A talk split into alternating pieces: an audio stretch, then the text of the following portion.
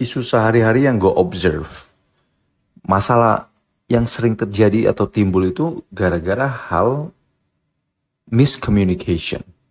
Hal sepele itu bisa menjadi besar, hal yang mestinya solusinya gampang itu menjadi rumit. It's all because uh, miscommunication. Nah, yang gua salah satu lagi obsesinya gua selain dari mental toughness itu adalah communication. How can I build uh, organization that communicate well within that organization and how we can communicate well towards our customer, right?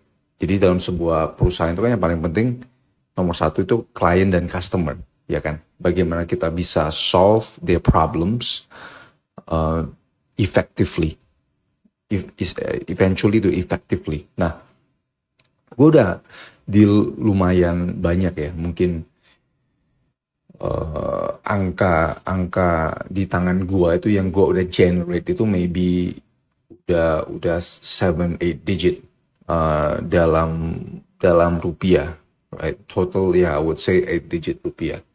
Nah dari akumulasi total kontrak ataupun PO yang gue udah pernah handle itu I build this uh, compartment I build this category right gue build kategori biarpun gue belum pernah tulis nih kategorinya itu apa tapi gue udah bisa lihat nih most of the problems atau issue yang gue solve, yang gue bantu solve terhadap customer itu adalah isu yang kalau kita breakdown itu very simple, right? Masalahnya itu A, masalah berikutnya itu B, masalah berikutnya itu C. Nah, yang kadang bikin rumit itu adalah manusia-manusianya, right? Nah, manusia-manusia ini kadang uh, ada yang jago, yang udah tahu nih masalah gue ini A, B, C. Nah, ada juga orang-orangnya yang sedikit bingung. Nah, mereka itu bingung, mereka itu nggak communicate well within themselves, nggak solve dulu problemnya internally, dia udah bawa keluar. Ketemu ketemu kontraktor, ketemu supplier. Nah, di sinilah timbul permasalahan yang benar-benar bisa menjadi runyam. Hal yang sepele itu bisa runyam. Nah, ini ada gue ada satu kasus uh, kasus di mana uh, hal yang sepele dibuat jadi rumit jadi ada satu case di mana kita lagi tunggu, uh, kita kan bangun sistem pengolahan air limbah, kita yang bangun sistemnya. Nah untuk sistem ini bisa diletakkan, tempatnya otomatis harus disediakan. Nah tempat yang disediakan ini pun harus dipastikan ukurannya tidak boleh berubah-ubah karena begitu kita susun sistem, kita bangun sebuah sistem, footprintnya berubah, otomatis sistem itu akan berubah letak pompa akan berubah, letak blower akan berubah, letak uh, pipa-pipa uh, akan berubah. So it'll, it'll definitely uh, ruin the project, right? Or at least uh, post uh, uh, protract the project, akan akan mundur projectnya. Nah, nah si bagian dari dari penyedia lahan itu berubah-berubah. Oh ternyata ada pipa ini, oh ternyata ada ini. Oh, nah mereka itu belum solve the problems ataupun udah di solve, udah di udah diketok palu, tapi namun ada bagian dari organisasinya itu yang keluar dari pintu komunikasi itu dan membuat keputusan sendiri. Why it becomes uh, yang isu yang begitu sederhana menjadi sebuah menjadi sangat kompleks ya gara-gara masalah communication.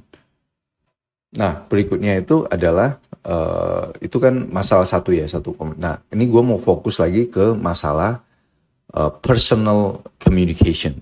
Personal communication. Jadi antara uh, gua dengan customer. Right. Nah tugasnya dulu dulu gua gua agak susah. Kadang uh, uh, mungkin as time progresses banyak pro, uh, project ataupun masalah yang gue udah handle jadi gue udah becoming more mature right dari dari segi komunikasi. Namun tuh gue masih lihat senior senior gue itu yang masalah komunikasinya itu nggak nggak beres-beres right. Jadi terkesannya itu arrogant. Kesannya itu dia tahu semuanya tapi nggak mau dengerin orang lain right. Itu itu ada tuh maksudnya sering gue lihat terutama yang udah senior senior ya. When when they they feel like memang senior itu artinya uh, apa uh, experience-nya itu udah banyak right? Experience itu udah banyak.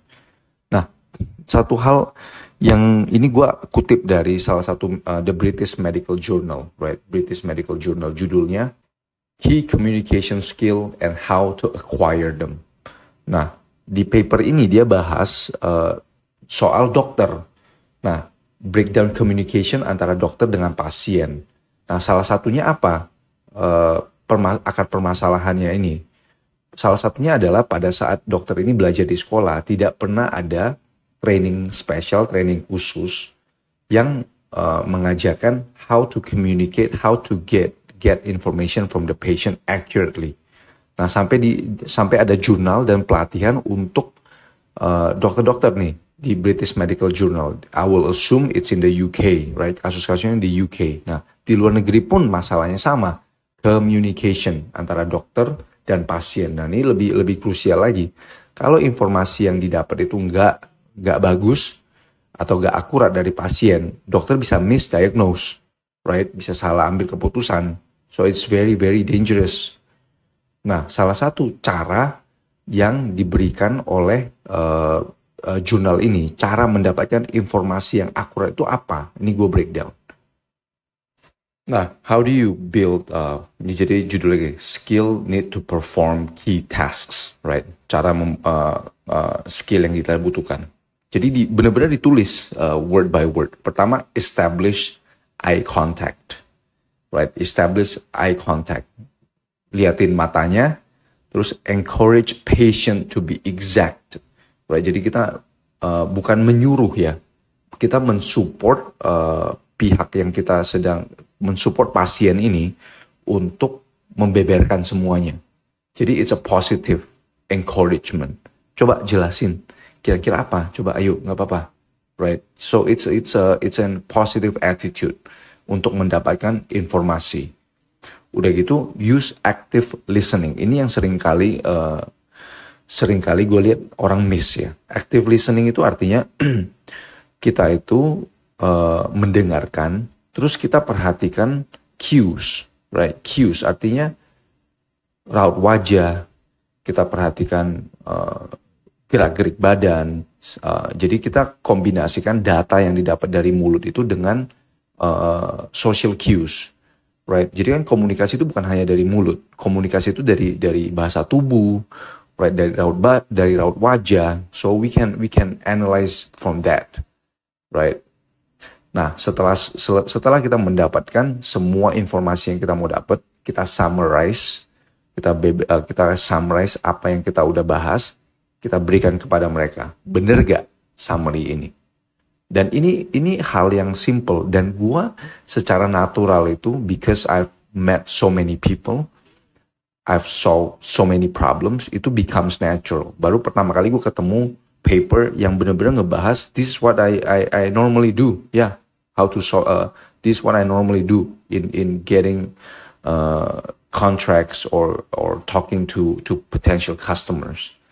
So try that, right? Try that. Try to build that uh, communication skills practice, right?